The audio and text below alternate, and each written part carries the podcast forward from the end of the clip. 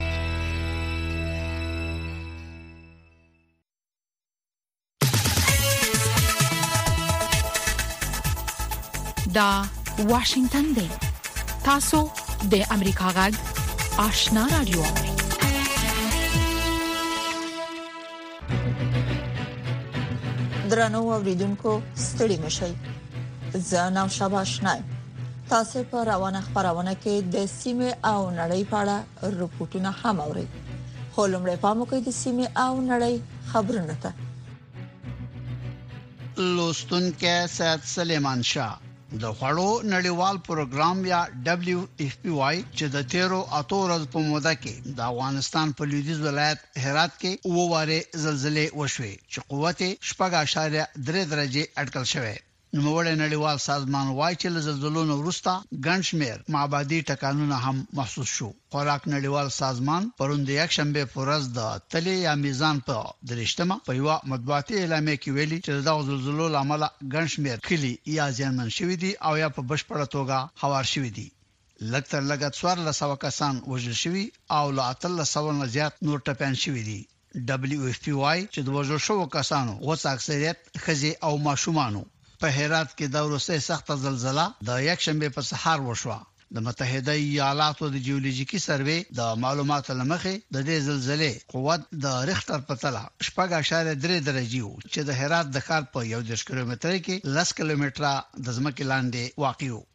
یو شمېر وسله والو د پاکستان د بلوچستان په صوبه کې د شنبې په شپه ناوخته د کارګرانو په یو مرکز برید وکړ. لږ تر لږه شپږ کارګران یې وژلي او دوه تنه نور یې ټپیان کړي. ولایتي پولیسو وویل، دغه کسانو چې د پنجاب اوسېدونکي وو او د تربت په ولسوالۍ کې مزدوري کوله، د خوب په حالت کې برید وشو.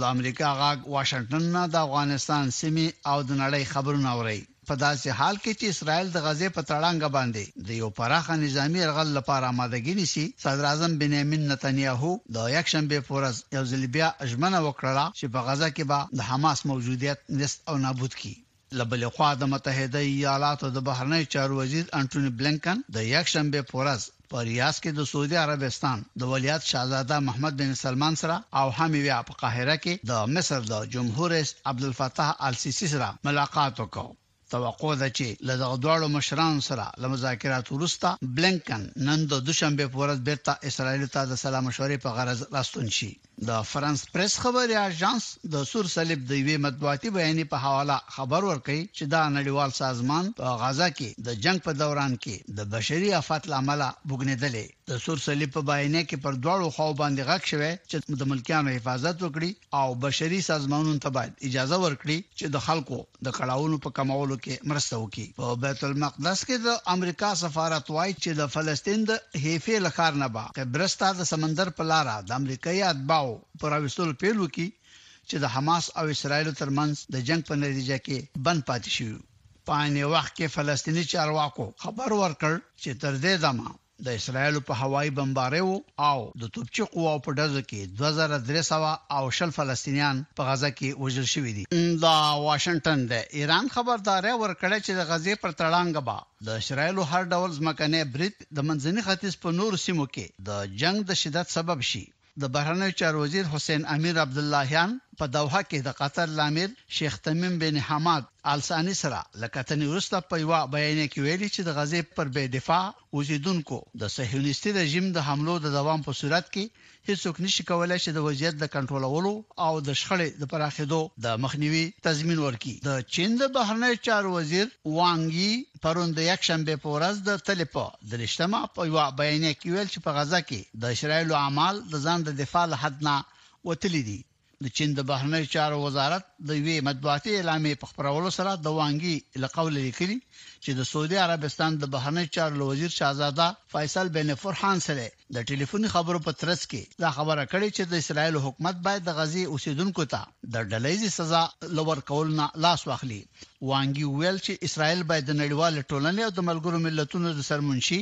انټوني ګوټرش غوښتنې ته غوږ ونیسي. له بلې خوا داسې ښکاري چې چین د حماس او اسراییلو ترمنځ د منځګړیتوب په منظور د لارې د هوارولو په کوشش کې په داسې حال کې چې لږ تر لږه لس ژورنالیستان چې د اسرایلو د هوایي ځواکونو د بریدونو او بمبارتمان په اړه رپورټونه ورکول وژل شوي د ژورنالیستانو د ژغورنې کمیټې د یک شنبه پر ورځ ویل چې د رویټرز خبري اژانس ژورنالیست عصام عبدالله چې د اسرایلو او لبنان له سرحد نه راسن رپورټونه ورکول د اسرایلی عسکرو په ډزو کې ولګېد او وژل شو په عین وخت کې د اسرایل په هوایي حملو کې لږ تر لږه اویا کسان چې د غزې له شمال نه د وتلو په حالت کې وو وژل شوي په غزه کې د فلسطین د کورنۍ چارو د وزارت د بیانیې له مخې 200 کسان په دغه حمله کې ژوبل شو اسراییل وايي چې په جنوبي لبنان کې د حزب الله په هدفونو بریدونه کړي. له بلې خوا د یکشنبې په ورځ په تلابیب کې د اسراییلو د دفاع د وزارت ودانۍ مخې ته په سلګونو کسانو احتجاجي مظاهره وکړله. د اسراییلو پوځ یې له غزې نه د حماس د حملې په مخنیوي کې د ناکامۍ له امله پړ کړ. د خبرونو پای. د سیمې او نړۍ خبرونه مو واوریدل په موقع د سیمې او نړۍ په اړه رپورټونه ده. د طالبانو د حکومت چارواکي وایي چې افغانستان د ځمکې په تودوخه کې هیڅ ونډه نه لري خو د اقلیم د بدلون د سترو اغیزو سره مخ دی که ورته پاملرنه ونشي نو دا به په دغه هیواد کې د نورو ستونزو ترڅنګ د ډلېزو مهاجرتونو سبب شي دغه چارواکو کابل کې د اقلیم د بدلون د منځنو نړیوالې ونې په مناسبت د لویدیزو هیوادونو نه وغوښتل چې د اقلیم مسله د سیاست پورې نه تړي اکرام شینواری په دې اړه رپورت لري د طالبانو د حکومت د ریاست الوزرا د سیاسي مرسل د دفتر په نوښ د سپېدار په ماڼۍ کې د یکشنبې په ورځ د اقلیم د بدلون د نمانځلو د اونۍ په مناسبت چې په ټوله نړۍ کې دا اونۍ لمانځل کیږي د طالبانو د حکومت یو شمېر لوړپوړو چارواکو په خپل ویناو کې افغانستان سره په دغه هیواد باندې د اقلیم د بدلون د اغیزو د کمولو په برخه کې د لویدیځ او صنعتي هیوادو مرسته د غوي اخلاقی مسولیت وګڼه او ویل چې افغانستان د ځمکې په تودوخه کې هیڅ ډول رول نه لري د طالبانو د حکومت د ریاست الوزرا اداري مرستیال مولوي عبدالسلام حنفي د غونډې ته ویل چې په نړیواله کچه پراخ صنعتي فعالیتونه د اقلیم بدلونونو لامل ګرځېدلي چې لامل یې د ځمکې تودوخه لوړه شوې د طالبانو د حکومت د ریاست الوزرا سیاسي مرستیال مولوي عبدالکبیر دې غونډې ته په خپل پیغام کې چې دغه د دفتر د رئیس مولوي ذاکر لخوا ولوستل شو ویل چې که په افغانستان کې د اقلیم بدلون د اغیزو د کمیدو لپاره همدا اوس اقدامات ونشي نو دا به افغانان د مهاجرتونو په ګډون د نورو ستونزو ګواښونو سره مخ کړي. د اقلیم د تغیراتو وړاندوینې ښيي چې که نړۍ د اقلیم او چاپیریال د ککړتیا مخنیوی ونه کړي نو افغانستان به چې په دې ککړتیا کې ونډه د نشت برابره ده نور هم ډیر اغیزمن شي چې په پایله کې به یې د کرینیزو حاصلاتو او د اوبو د سرچینو د کمښت، دوامدار وچکالي، د ځنګلونو د سوځیدلو، بې وخته اورښتونو، سیلابونو، فقر، زلزلې، ګرمي، د انسانانو، حیواناتو او نباتاتو د ساري ناروغیو د زیاتوالي او کډوالۍ لامل شي. مولوي عبدالکبیر ویلي چې د اقلیم اغېزې یوه نړیواله ستونزه ده او په کار دي هغه هېوادونه چې د اقلیم بدلون کې یې اغېزه زیاته ده، افغانستان سره په دې برخه کې مرسته وکړي. دې غونډې ته د طالبانو د حکومت د اوبو او انرژۍ د وزارت سلاکار ډاکټر فاروق اعظم وویل چې د اقلیم د بدلون سره مبارزه باید د سیاست پورې ونه تړل شي. دوهمه خبره دا ده چې نړیوال باید دغه بین المللي ناورین په سیاست پورې ونه تړي موږ امارت په رسمیت نه دی پیژندلی پس موږ کومک نه کوو څه وخت د مخه ماته یو نړیواله مؤسسه خلک راغله او ماته ویل چې موږ پیسې را لرو خو چون امارت مو په رسمیت نه دی پیژندلی نو موږ هغه د خپل انجوګانو خپل ادارو لارې کومک کوو ما ورته وویل دا هغه کار دی چې شل کاله تاسې دغه غلط کار کړی دی اوس یې بیا کوئ د محیط زیست دا هیڅ د سیاست سره تړل نه دي پکار زموږ محیط زیست تر ډیره حد نړیوالو را خراب کړی دی دا باید د دښمنۍ هغه تسلسل ختم کړي باید کومک وکړي دې غونډې ته د کابل پوهنتون د چاپیریال ساتنې د پوهنځي رئیس داود شیرزاد ویل هر کال 15 زره میلیون متر مکعب اوبه د افغانستان څخه بهر ته بهیږي او دا هیواد د دغه اوبو څخه یوازې دریمه برخه کاري 1995 نه را په دې خوا یو یو تحقیق کې خودلې ده چې 22.15 فیصد سطحي جریان د موږ کم شوی ده او هاذا القياس یو موډل د پیش پیشګویی پر اساس د وړاندوینې پر اساس تنها د کابل په اکویفیر کې داسې څه ویلي دي چې هغه باید سړی بیخي وډار سي ویلي دي چې تر 2050 کاله به د کابل په اکویفیر کې څه د پاسه شپېته سلنه کمښت راسي ښاغلي شیرزاد ویل افغانستان ته د هر څه څخه لومړی په کار دي چې خپل وب مدیریت کړي افغانستان د نړۍ په هغو شپږ هیوادو کې شامل دی چې د اقلیم سختو اغیزو لاندې دی کابل کې د اروپایي ټولنې دفتر ویلي چې افغانستان د اقلیم د بدلون د اغیزو لامل له مخ په زیاتیدونکو ډول د بشري او طبي ناورینونو سره مخ دی افغانستان د پاره د اروپایي ټولنې دفتر د روان کال د مې په میاشت کې په راپور کې ویلي چې د اقلیم بدلون به پر دغه هیواد کې د نورو ستونزو او ننګونو ترڅنګ په خلکو د نور فشار سبب شي اروپایي ټولنې ویلي چې د اقلیم بدلون پر موږ ټول اغیز کوي خو افغانستان دغه بدلون تر نورو ډیرو زیانمنونکو هیوادو کې شامل دی ملګرو ملتونو لوړاندې ویلي چې د دریو پرلپسې کلونو لپاره د افغانستان اکثره سیمې د وچکالۍ د غیزو لاندې دي انتظار پای ته ورسید ترنو لیدونکو او اوریدونکو تاسو کولی شئ د امریکا غا ټلویزیونی او رادیوي خبرونه د یاشات ساتلایت له طریقو وګورئ او واورئ د نوي ساتلایت لارې تاسو د آشنا اتصال او کاروان ټلویزیونی خبرونه کتلای هم شئ د امریکا غږ د افغانستان څنګه خبرونه په 309 شپږ چنل او د آشنا رادیوي خبرونه په 309 شپږ چنل کې اوریدلای شئ لملتيامو د تل پشان مننه رپورټونو ته د واشنگټن د سټډیو نه ادامه ورکو په تیرو 24 ساعتونو کې د افغانستان لویدیځ ولایت هرات تر اوسه 15 ځله زلزلې لړزولې دي په هرات کې د بیړنۍ مرستو د ډلې د مشر په وینا تر اوسه یو تن مړ او شاوخوا 150 تنه نور ټپيان شوي دي د چارواکو په وینا کې د شي چې ځاني زیانونه تر دې هم زیات شي ځکه د ټولو زیانمنو سیمو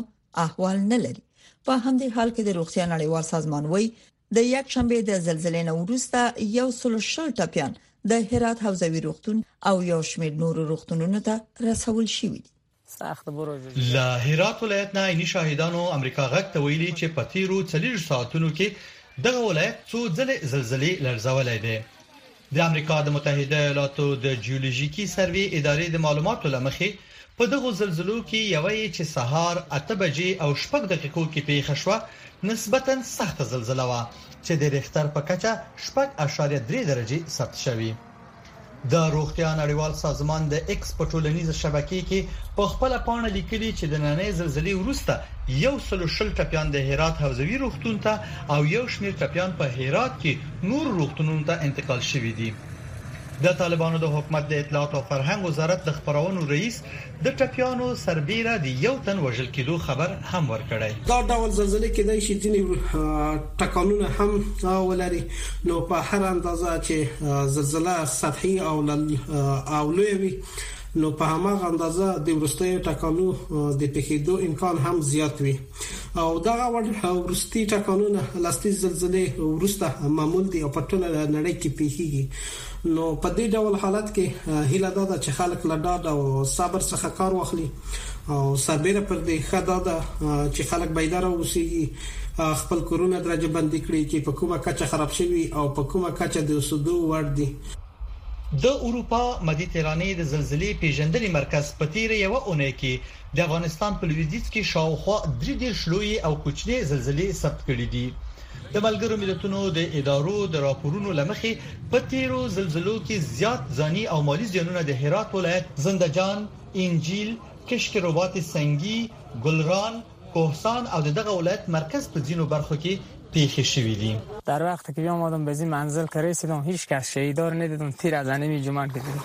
ای شلوار و ولاداکای من از عزیز من بند دل من انمی بومند بوغی خونواده همه رفت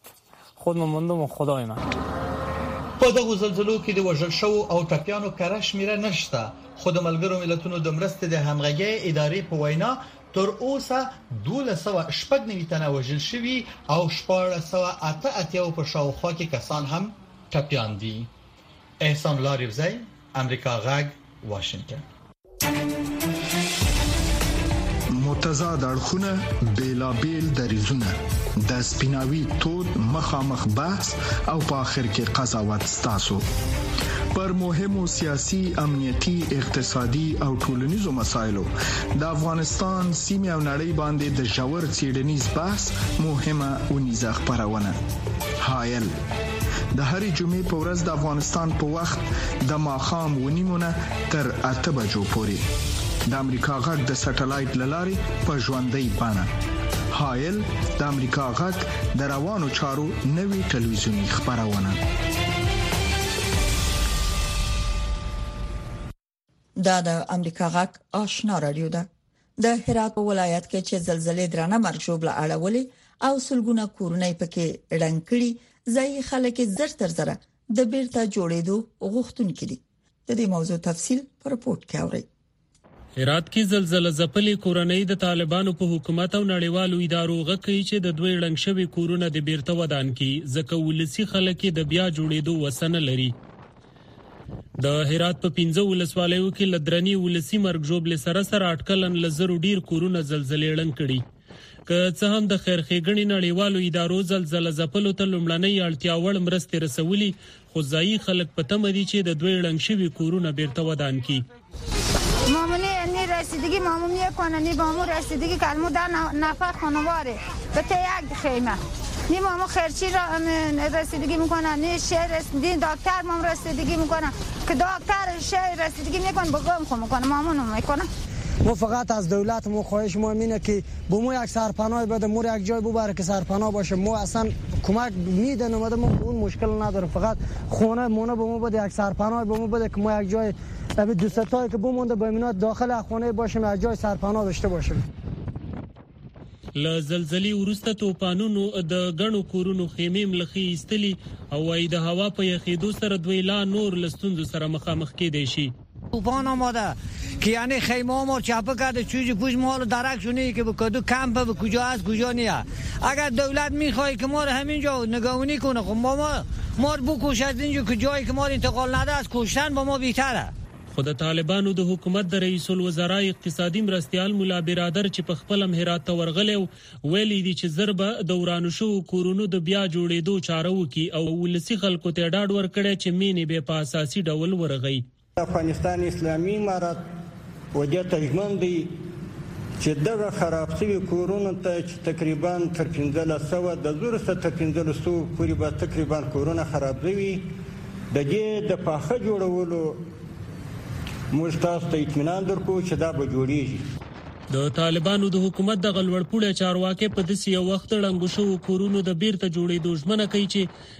تېر کال د پکتیکا او خوست ولایتونو ځینو ولسوالو کې زرګونه کورونه زلزلې ویجاړ کړي وو چې د طالبانو د حکومت او ځینو مرستندویه موسسو له اړخه د بیا جوړېدو ژمنې شوې وې او ان د کډوالو په چارو کې د ملګرو ملتونو سازمان عالي کمېشنرۍ د دغو کورونو د جوړېدو چارېم شروع کړې وې. خو افغانستان کې د ملګرو ملتونو په یوې اړوندې ادارې کې یوې باخبره سرچینې ازادي راډیو ته ویلي چې تر اوسه دا کار په بشپړه توګه نه دی ترسره شوی.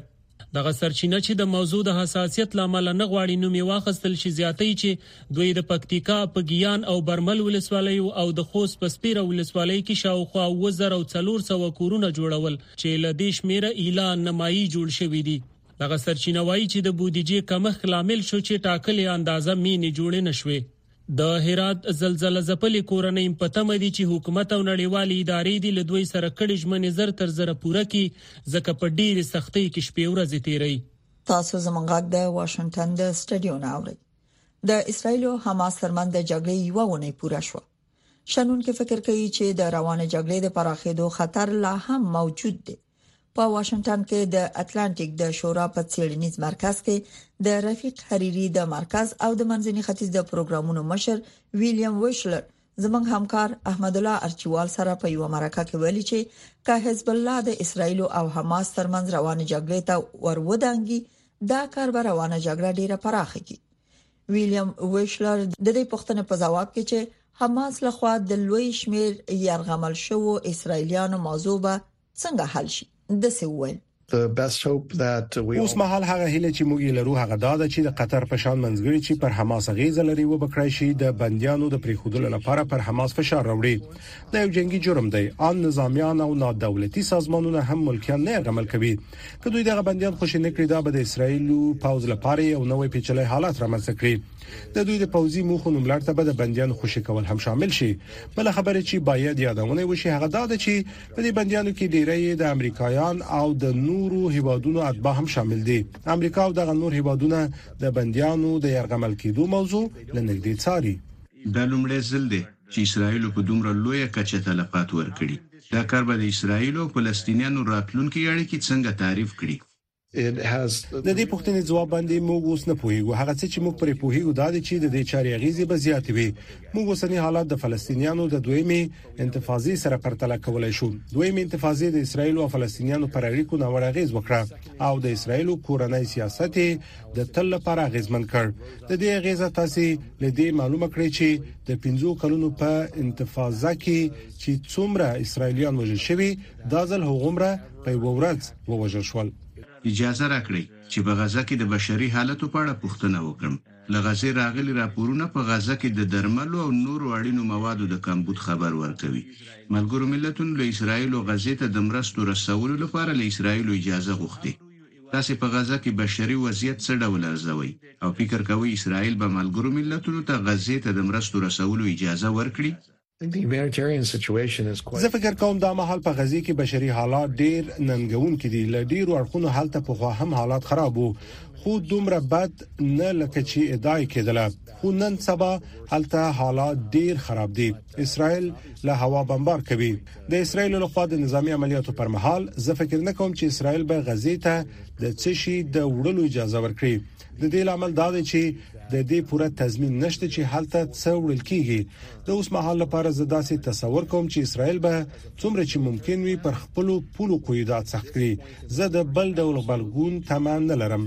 د اسرائیل او فلسطینیانو سره د ملاتړ لپاره بیلابیل لوري غږونه پورته کوي فکر کوي داسې لارې چارې چې دې جګړه کې د نورو د ورګډیدو مخه ونیول شي شته؟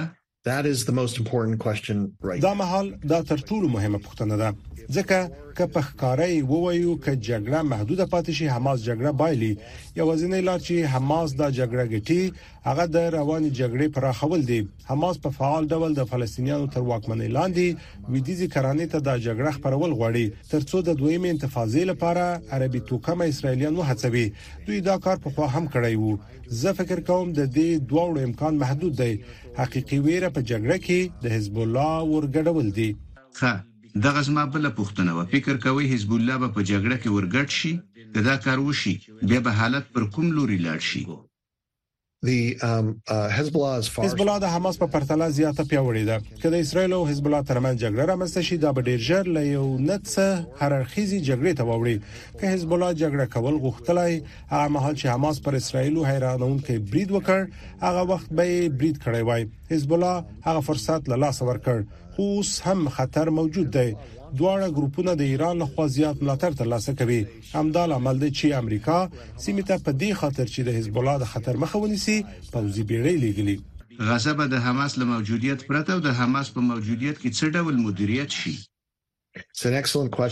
دا یو ښه پوښتنه ده. دا مهال د اسراییلو لومړیتوب دا دی چې حماس بیرته په غزه کې د یو برلاسي ځواک په توګه د بیا رامنځته کېدو مخه ونیسي. په دې اړه چې دا یو پوځي موخه ده، په اسراییلو کې همغږي موجوده ده. دا مهال درې احتمالات موجود دي. لومړی، د اسراییلو لخوا د غزې اشغال، دویم احتمال د فلسطینیانو د ادارې سره د غزې په کنټرولولو کې مرسته او دریم احتمال د داسې یو چا چې د حماس سره اړیکې نه لري رامخته کول دي. دا ټول تر اوسه روښانه نه دي، اسرائیلیانو لا وار د مخه له یو کال را پدې خوا څخه په دې اړه فکر کاوه. دا د امریکا غږ آشنا رادیو ده.